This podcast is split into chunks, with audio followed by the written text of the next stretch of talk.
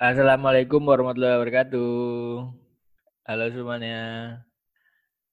Di episode kali ini kita kedatangan tamu dari anak-anak milenial nih dari Yogyakarta.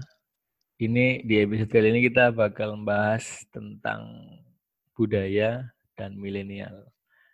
Ini coba boleh dikenalin teman-temanku nih dari mana-mana aja sih? Oke. Assalamualaikum warahmatullahi wabarakatuh. Waalaikumsalam. Kenalin nama Waalaikumsalam. kenalin namaku Rastra Arif Pradana, biasa dipanggil Rastra. Mm. Ya. Itu aja lah dulu. Gitu aja. Ini mbaknya Itu aja dulu. Mbaknya boleh dikenalin? Hmm, baik. Assalamualaikum warahmatullahi wabarakatuh. Waalaikumsalam warahmatullahi Waalaikumsalam. wabarakatuh. Bisa dipanggil Pepi. Saat ini, ya seperti Mas Rastra ya, lagi jabat di Duta Museum DIY tahun 2020. Dan kebetulan dapat museum di Wayang Kekato. Oh, Oke. ini berarti kalian eh, duta museum ya, duta museum daerah istimewa Yog- Yogyakarta. Iya, betul Mas Tama. Oh, Iya. jadi kalian duta museum ini ditempatin beda-beda museum apa gimana sih? Ya, jadi kita itu ada dua sih jabatannya. Pertama itu Duta Museum Daerah Istimewa Yogyakarta masa periode tahun 2020 sampai tahun 2022. Nah, yang kedua itu kita ambasador. Ambasador setiap museum di 36 museum di daerah istimewa Yog- Yogyakarta. Jadi kita itu mm, dua. Jadi kita satunya ke museum, satunya ke duta museum, eh, ke dinas kebudayaan. Gitu. Tadi museum di DIY ada berapa sih? 36. 36 ya Mbak Pepi? Kalau untuk resmi, Sebenarnya di lebih ya? eh, di bawahnya Barahmus itu ada 36. Mm-mm. Tapi kalau misalnya yang belum masuk ke asosiasi museum di daerah istimewa Yogyakarta itu ada sekitar 58. Wuh, banyak juga ya museum di Jogja ya. Iya, mm, bener banget. Tapi untuk saat ini yang resmi masuk ke Barahmus atau asosiasi museum itu baru sekitar 36. Se- sebenarnya ada 38, cuman yang dua ini belum qualified atau masuk resmi memenuhi syarat untuk menjadi museum gitu. Hmm, minimal itu apa sih kalau mus- bisa dijadikan museum itu minimal apa sih syaratnya? Apa Kalau semua harus antik apa ada gimana gitu kan? Kalau untuk mengacu di kan ada peraturannya nih PP nomor 66 tahun 2015 tentang permusiuman ya. Jadi seenggaknya ada enam, ada lokasi, ada nama, ada koleksi, terus ada apa namanya kepala museum, struktur-strukturnya. Mm-mm. Jadi mendirikan museum itu nggak bisa sembarangan gitu, ada protokolernya, peraturannya, kayak gitu. Oh, gue kira kalau antik terus ada koleksinya bisa gitu kan? Waduh, sebenarnya gini Mas Tama, museum Hmm. itu sekarang sudah modernisasi tidak hanya identik dengan kata antik. Sekarang museum sudah naik kelas menjadi world class museum atau bahasa istilahnya edutainment gitu. Edukasi Iya, dan banget. entertainment. Oh, berarti sekarang memang museum itu buat edukasi dan entertainment ya? Mm-mm, betul Bener. banget. Mm, ya, ya malah enak ya kalau kalau ada kayak entertainmentnya gitu kayak kaum milenial gitu bisa main gitu Hmm. kan bisa foto-foto gitu kan Nah, kayak kayak sekarang kan zamannya zaman instagramable banget kan jadi kayak museum juga Hmm. sekarang udah disetting kayak memang khusus buat bisa dijadikan tempat berfoto gitu kan ya Oh iya Mas Tama, jadi apalagi di Museum Sono Budoyo, ini Mhm. rekan-rekan kita di Duta Museum dalam masa pandemi corona ini lagi buat challenge sih, sering buat challenge. Jadi kangen dan rindu museum, ada kangen Sono Budoyo, ada rindu Ulen Sentalu, ada rindu Fredebet. Jadi intinya mengupload foto-foto yang lama di tempat-tempat Instagram dan Instagramable di museum-museum tersebut.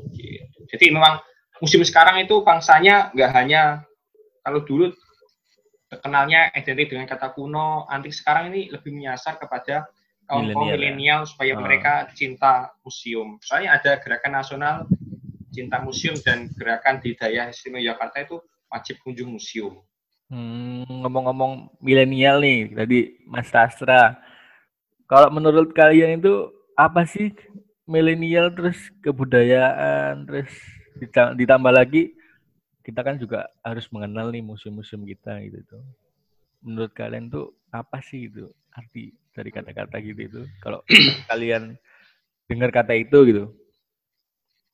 Oke, aku tak jawab yang generasi milenial aja ya. Nanti kebudayaan dan museum biar Mbak Kepi nanti yang jawab. Waduh, waduh. ya nggak apa-apa santai aja dulu kita mah. Jadi dua dari dua topik eh dari dua sisi aja. Heeh, dari- Oke, nggak dari- apa wes. dari persepsi Oke. cowok ini cowok nih persepsi cowok ini ini persepsi Oh. cewek nih beda kan Oke. cowok sama Biasanya cewek, biasanya cewek kan selalu benar, biasanya cewek. Oh. enggak lah Cewek selalu benar biasanya. harus Oh, enggak. harus patahkan stigma itu Oke, jadi kalau menurut aku ya, Mas Tama, generasi milenial itu merupakan generasi yang lahir dari tahun 80-an sampai tahun 2000. Ya, Hmm, hmm. jadi aku tuh yang kelahiran tahun 98 itu masuk generasi milenial. Nah, generasi ini 98. tuh 98, 1998. Kelihatan Hmm, masih 91. tua atau muda ya? Aduh, Mas Rastra masuk yang mana nih? 91 dia. Jadi generasi ini tuh sering disebut eh, sebagai generasi perubahan karena akan memiliki dampak besar bagi Indonesia di masa mendatang atau waktu Indonesia Emas 2045 itu yang sering digembar-gemborin. Hmm, hmm. Nah, Tapi kalau kebudayaan sih, kalau menurut persepsi aku sih dari referensi yang aku baca itu eh, merupakan hasil karya cipta, rasa dan karsa manusia. Jadi, oh contohnya di Jogja itu ada kebudayaan gerbek syawal, Hmm, ada hmm. kebudayaan Iya, iya, iya. sekaten, dan itu dari kerajaan Mataram pencetusnya lah. Tapi kebudayaan di Jogja dan Solo itu agak berbeda kalau teman-teman amati dan lihat. Nah, kenapa berbeda? Karena sesuai dengan perjanjian Jatisari pada tanggal seingatku 15 Februari 1755. Lah, terus kalau museum, kalau menurut pemandang pengamatan aku ya selama ini tuh lembaga yang berfungsi untuk melindungi, mengembangkan dan memanfaatkan koleksi dan mengomunikasinya kepada masyarakat. Nah, tujuannya apa sih museum ini hadir di tengah-tengah kita? Yaitu untuk pendidikan, penelitian dan rekreasi. Yo, jadi kalau aku singkatin ya bahasa istilahnya itu cara zikir kita secara horizontal museum itu. Gitu. Oke, mantap. Kenapa cara berzikir kita? Soalnya di museum itu kita dapat mengingat masa lalu tanpa perlu datang ke masa lalu, serta di museum itu kita dapat belajar tanpa diburui dan dapat dibenarkan tanpa disalahkan. Hmm, bener juga ya. Iyalah, orang kita ngeliat terus kalau kita meresepsinya gini, siapa yang mau nyalain ya? Iya. Kalau Mbak Pebi, Mungkin secara umum dan teoritis udah banyak disampaikan ya sama Mas Hmm. Astra ya. Jadi kalau saya mungkin lebih menambahkan aja.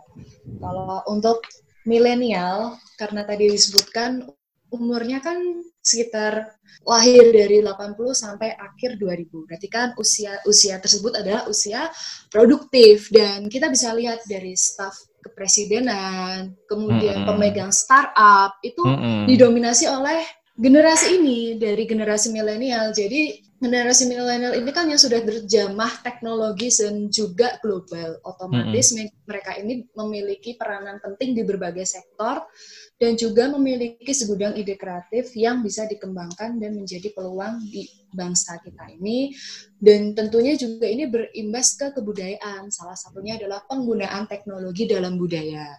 Mm-mm, Jadi bener, mungkin teman-teman nanti bisa nih habis ini ya. Aku nggak banyak ngomong mengenai teori ya di sini baik. Jadi apalagi di saat COVID-19 ini mungkin kalian di rumah gabut atau bener. jalan-jalan. Coba deh. Sekarang tuh ada teknologi namanya virtual museum. Jadi menggunakan aplikasi entah Google atau web yang disediakan oleh instansi-instansi terkait seperti Big Boot atau di Museum Nasional Jakarta itu kita bisa melakukan virtual tour melalui aplikasi yang telah disediakan seperti Museum Nasional Jakarta ataupun museum yang ada di luar negeri seperti itu. Menarik sih. Oh. Ini milenial dan kebudayaan. Jadi ada ini ya, virtualnya gitu ya sekarang ya? Ada, ada virtual museumnya. Jadi kita kayak kita bisa jalan gitu kayak Google Map gitu ya?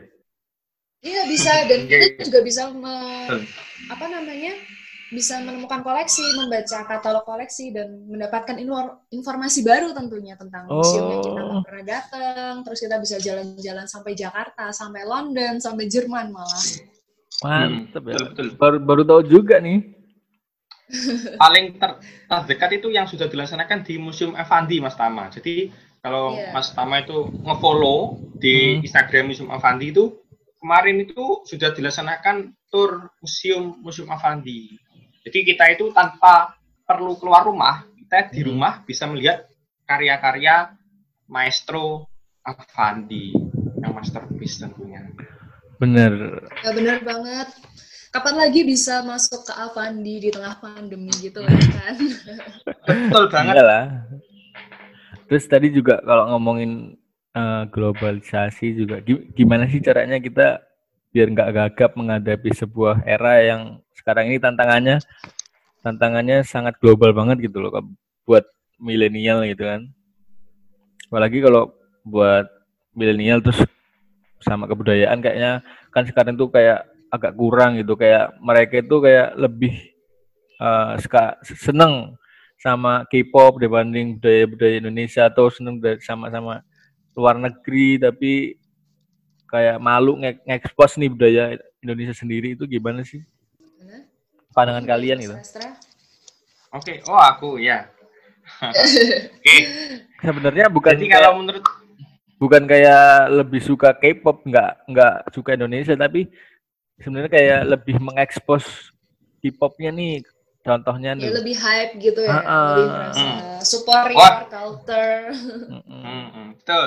Kebetulan Apalagi sekarang lagi boomingnya. Iya. Kita berdua ini sih suka nonton drama Korea. Drakor, Ya, aduh, nggak usah disebutin, jadi malu ini. Ya nggak apa-apa juga kan. Kayak- kayak sekarang itu lebih kayak mengekspos gitu kan. Iya ya. Jadi eh, meskipun aku ya sering melihat drakor kayak Crash Landing on You ya, tapi aku ya Aduh. nggak terlalu ya nggak terlalu mengekspos. Tapi kebanyakan yang sampai dia tergila-gila Mm-mm. dengan idolanya, yang sampai dia tergila-gila dengan drakor-drakor seperti itu, dan dia kurang mencintai budaya-budaya kita, itu karena menurut pemandanganku karena eh, kau anak-anak muda memiliki mental inlander lah. Apa sih mental inlander itu? Yaitu mental yang kurang memiliki rasa percaya diri sebagai sebuah bangsa. Jadi memandang bangsa lain seperti Korea Selatan itu lebih baik daripada bangsa kita sendiri lah. Kenapa itu hal ini bisa terjadi? Karena hal ini itu terjadi karena akibat pembagian sosial dari zaman penjajahan POC Belanda yang efeknya itu masih ada hingga sekarang. Nah, Hmm. Terus? kita sebagai generasi milenial itu apa sih yang bisa kita lakukan untuk menghadapi globalisasi seperti yang Mas Tama bilang itu supaya kita nggak terseret arus, tapi kita juga bisa ngikutin lah ya. mengekspos, Heeh. kita ngikutin eh, budaya-budaya luar negeri tanpa perlu meninggalkan jati diri kita, yaitu kita perlu punya yang namanya smart filter, yaitu menerima yang bagus dan menolak yang buruk. Nah, bahkan ngaso dalam Mas Tama kalau diketahui Nggih, Sri. Sultan Hamengkubuwono X itu pernah ngendiko modern itu tidak perlu menjadi bangsa barat. Tapi kita itu bisa modern dengan budaya Jawa kita sendiri. Lah, apa sih contohnya? Yaitu flash mob keraton yang serang yang sedang viral Hmm, bulan yang lalu itu Udah kan Manoro. Lah, itu kan udah empat ya di empat. Jalan Malioboro di Akademi Angkatan Udara itu kan Nah, semuanya pada kompak bisa Manoro. Hmm, iya. udah Itu keempat kita ya itu ya? Bisa modern. Iya, kita itu bisa modern tanpa perlu jadi barat dan kita bisa kita modern jadi jadi diri Jawa itu sendiri dan suku-suku lain terserah dia dari suku Batak ya bisa modern dengan suku Batak, dia dari suku Minang bisa modern dengan suku Minang tanpa harus mencontoh bangsa Barat. Hmm, bener juga ya. Kayak kita sama aja ngasah nih gimana kreativitas kita buat uh, berkolaborasi dengan budaya gitu ya. Mm -hmm, betul. Kalau dari Mbak Feby? Hmm. Jadi untuk pengalaman gue aja ya ini karena hmm. circleku dari SD, SMP, SMA bahkan sampai kuliah hmm. itu teman-teman aku banyak banget yang K-pop sampai bener-bener gandrung banget nih. Dan hmm. aku melihat teman-teman aku ini ada dua kloter besar. Yang pertama teman-teman aku ini emang bener-bener nggak care sama kebudayaannya sendiri dan bener-bener terena banget di K-pop ini. Sebenarnya nggak apa-apa sih, ini tuh namanya pilihan masing-masing kan ya. Kloter kedua adalah teman aku ini masih bisa mencintai bahkan teman aku ini K-pop banget dan dia penari Jawa dan jadi salah satu uh, passion juga di Jogja kayak gitu. Hmm. Dan ya itu tadi ada anggapan bahwa budaya Korea Selatan atau K-pop ini lebih superior dibandingkan budaya lokal yang dimiliki generasi milenial. Jadi mereka mungkin lebih merasa hype dan masih merasa gaul banget gitu loh kalau misalnya udah kenal K-pop, udah kenal opa, udah kenal drumcore dan kita bahkan sering dengar kan orang-orang nggak hanya K-pop sebenarnya, J-pop atau Japanese pop culture ini juga orang-orang entah cewek entah cowok pasti sukanya ngomong kayak opa apa melafalkan logat-logat dan malah lebih hafal dengan tulisan hangul atau katakana hiragana dibandingkan nulis aksara Jawa. Itu fakta loh sebenarnya. Mm-hmm. dan juga mungkin kalau untuk selanjutnya kita ke kotok ya bukan sih jadi mungkin lebih ke internal aja ya. Mungkin dari keluarga sendiri kurang memperkenalkan ke anak-anaknya tentang budaya Jawa seperti itu Hmm. Jadi karena mereka belum kenal aja, misal budaya Jawa kan juga lebih bagus gitu loh. Kalau di Korea Selatan itu kan mungkin di drama Korea misal kayak yang Kingdom Kingdom itu kan pada suka bajunya, misal hanbok, terus kerajaan, kastil, pangeran-pangerannya. Padahal di Indonesia itu juga ada dan kita kan emang riwayat Nusantara itu kan kerajaan di Jogja. Kita punya benteng nggak kalah sama yang di Korea apa di Korea kita punya bener. kerajaan kita Jopeng punya juga lebih bagus. kita punya raja bener bener banget dan habis itu kita juga punya kebudayaan lain makanan kita lebih komplit bahkan secara sejarah mungkin nanti teman-teman yang berminat bisa ke mus ke Museum Sana Budaya untuk nonton filmnya yaitu Kersanaan Dalam makanan-makanan raja itu lebih kaya daripada makanan di luar yang pada mulanya cuman dikasih garam, cuman nggak dikasih bumbu. Sedangkan di Nusantara itu udah mulai rempah-rempah jauh sebelum itu. Hmm, benar juga ya. Ini ngomong kita ngomongin Jawa karena memang ini kita uh, banyak berlingkup ini di daerah Yogyakarta ya teman-teman. Iya. Jadi dari tadi Cuman kita kalau, ngomongin Jogja ya nggak menutup kemungkinan buat yang suku-suku lain ya sama gitu kan sama kok. Ya betul betul. betul. Juga uh, kan, kalau mau lihat sih secara prasejarah ya misal ya di Tanah Toraja itu kan upacara kematian aja mewah banget. Mm -hmm. Menyiapkan sesaji, banteng, eh kerbau untuk masyarakat juga satu desa bisa berkumpul semua mengiringi jenazah seperti itu. Jadi ditilik lagi dari zaman prasejarah juga sudah apa ya sudah Nusantara sudah memiliki peradaban yang tinggi maju hmm. dibandingkan hmm. ataupun tidak kalah dengan yeah. peradaban yang lain. Hmm. Ya, jadi yeah.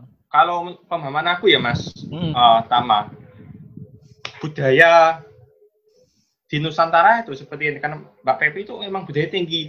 Apa sih contohnya budaya dan alat budaya dari masa lampau yang masih kita gunakan hingga sekarang? Ya, kalau saya kasih contoh ya, kalau dari Arab itu dia membuat alat musik dari kulit dikasih nama dengan rebangan atau rebana.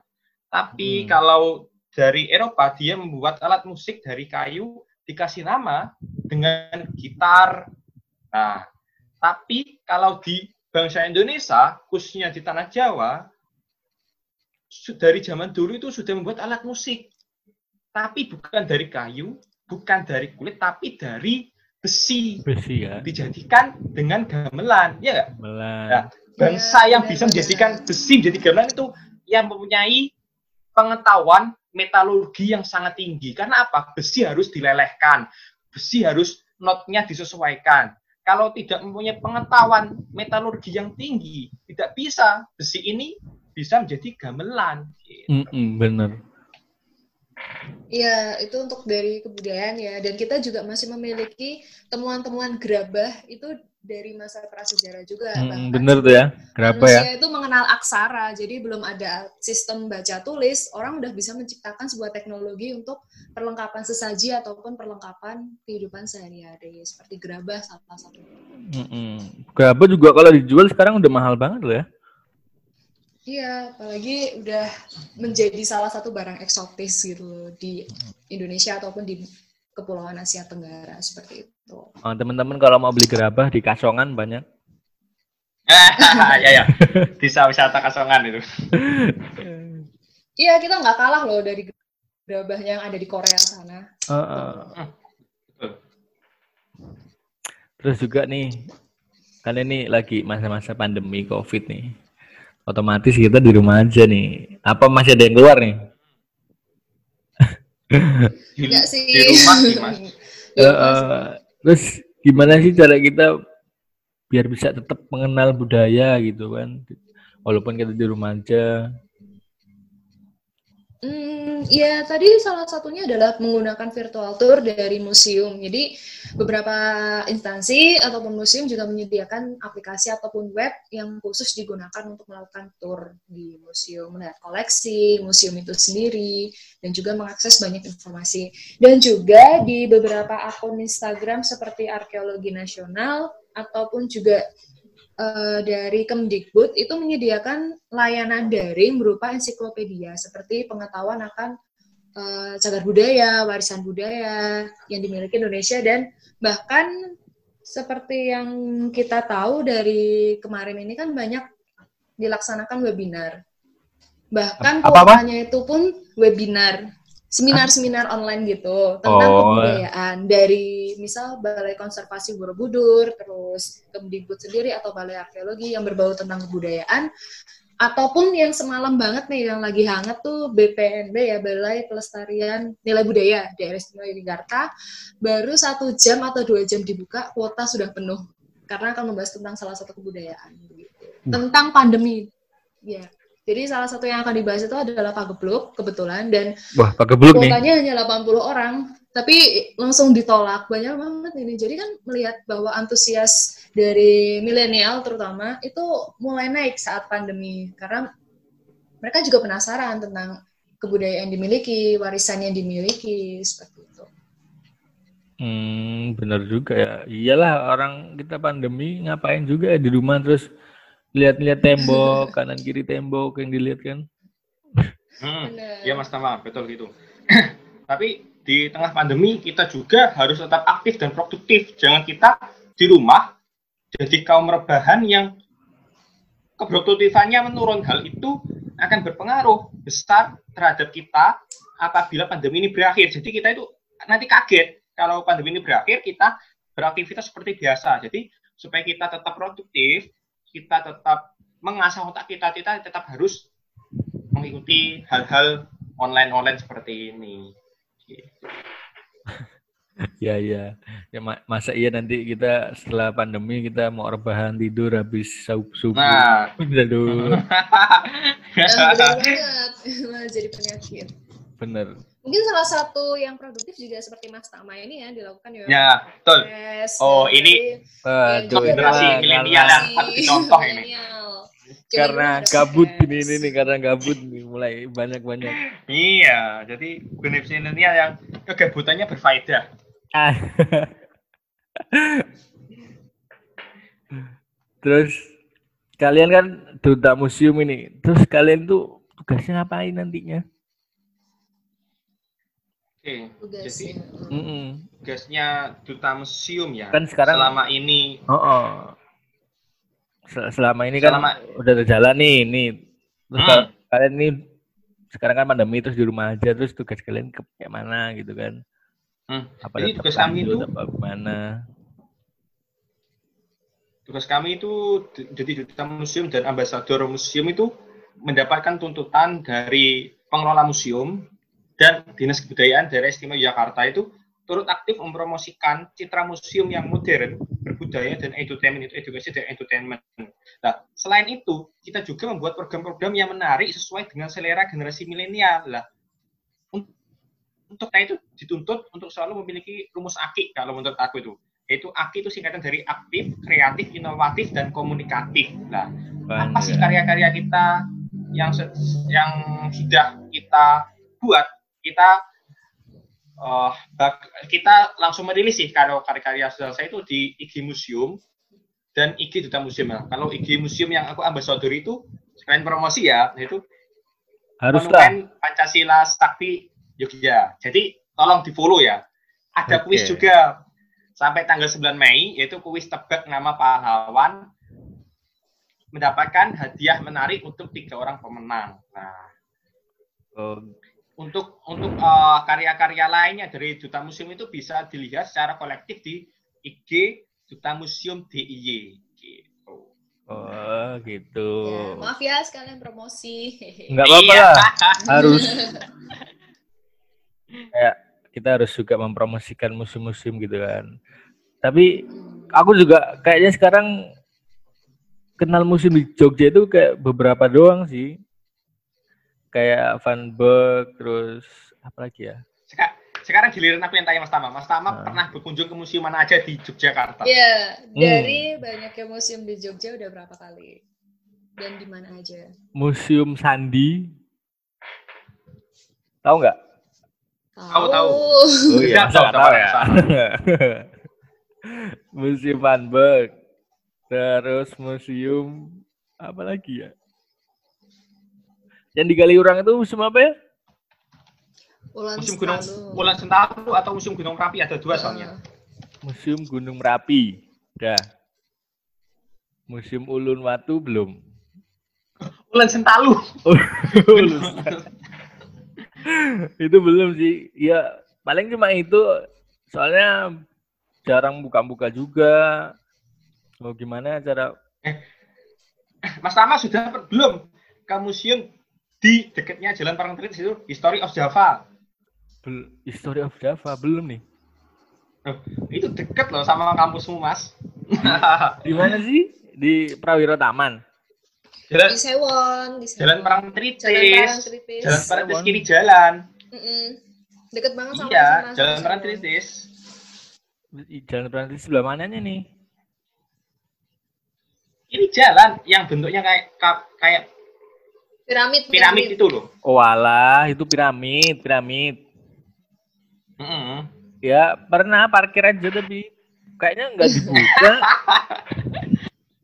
dibuka itu.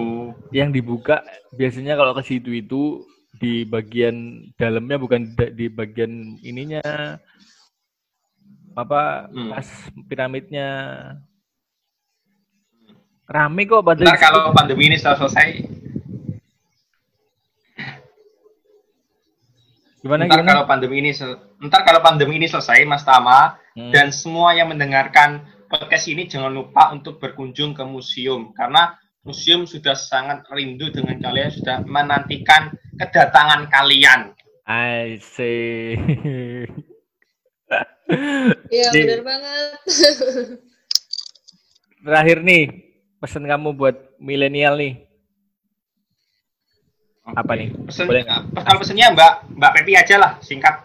Nah, biasanya kalau yang dari wanita ini bisa didengar itu kan. Waduh, enggak juga sih.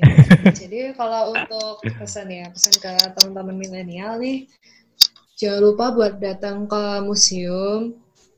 Misalnya kan banyak nih acara-acara festival kebudayaan, pasar kangen, dan segala yang berbau kebudayaan kita rame tuh. Dan hmm. kalau misalnya kalian mau ngadain acara di museum aja nggak apa-apa. Kita bisa menyediakan tempat dan juga suasana dan tentunya juga beda sama tempat-tempat yang lain gitu. Dan nggak bakal ditemuin di tempat lain kecuali di museum. Karena museum itu memiliki konsep dan gaya yang nggak sama di tempat-tempat lain. Kayak sekarang kan banyak daripada kalian ke kafe nongkrong-nongkrong minum, minum kopi mahal banget mending kita ke museum aja dan museum juga banyak yang free kok dan udah ada wifi-nya Oke.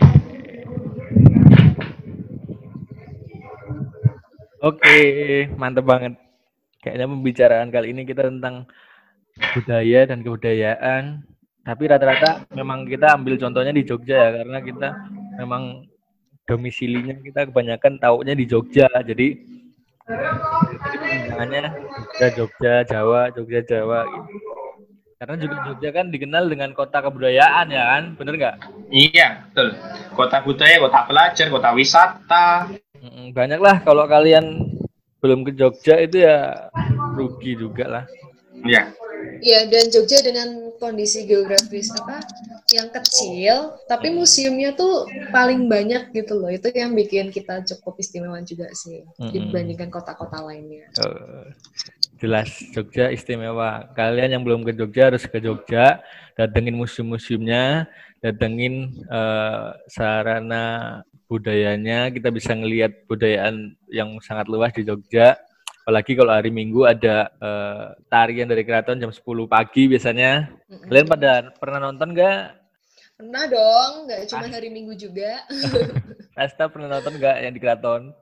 Wah, pernah dong. Kemarin kita ke sana. Kebetulan juga ambasador Museum Keraton. Ya, mantap. Oke, itu aja teman-teman podcast episode kali ini kita ngomongin banyak banget tentang budaya milenial dan K-popers. Makasih ya buat Mbak Febri sama Oke. Mas Rastra. Bagus nggak ini? Ya. Oke.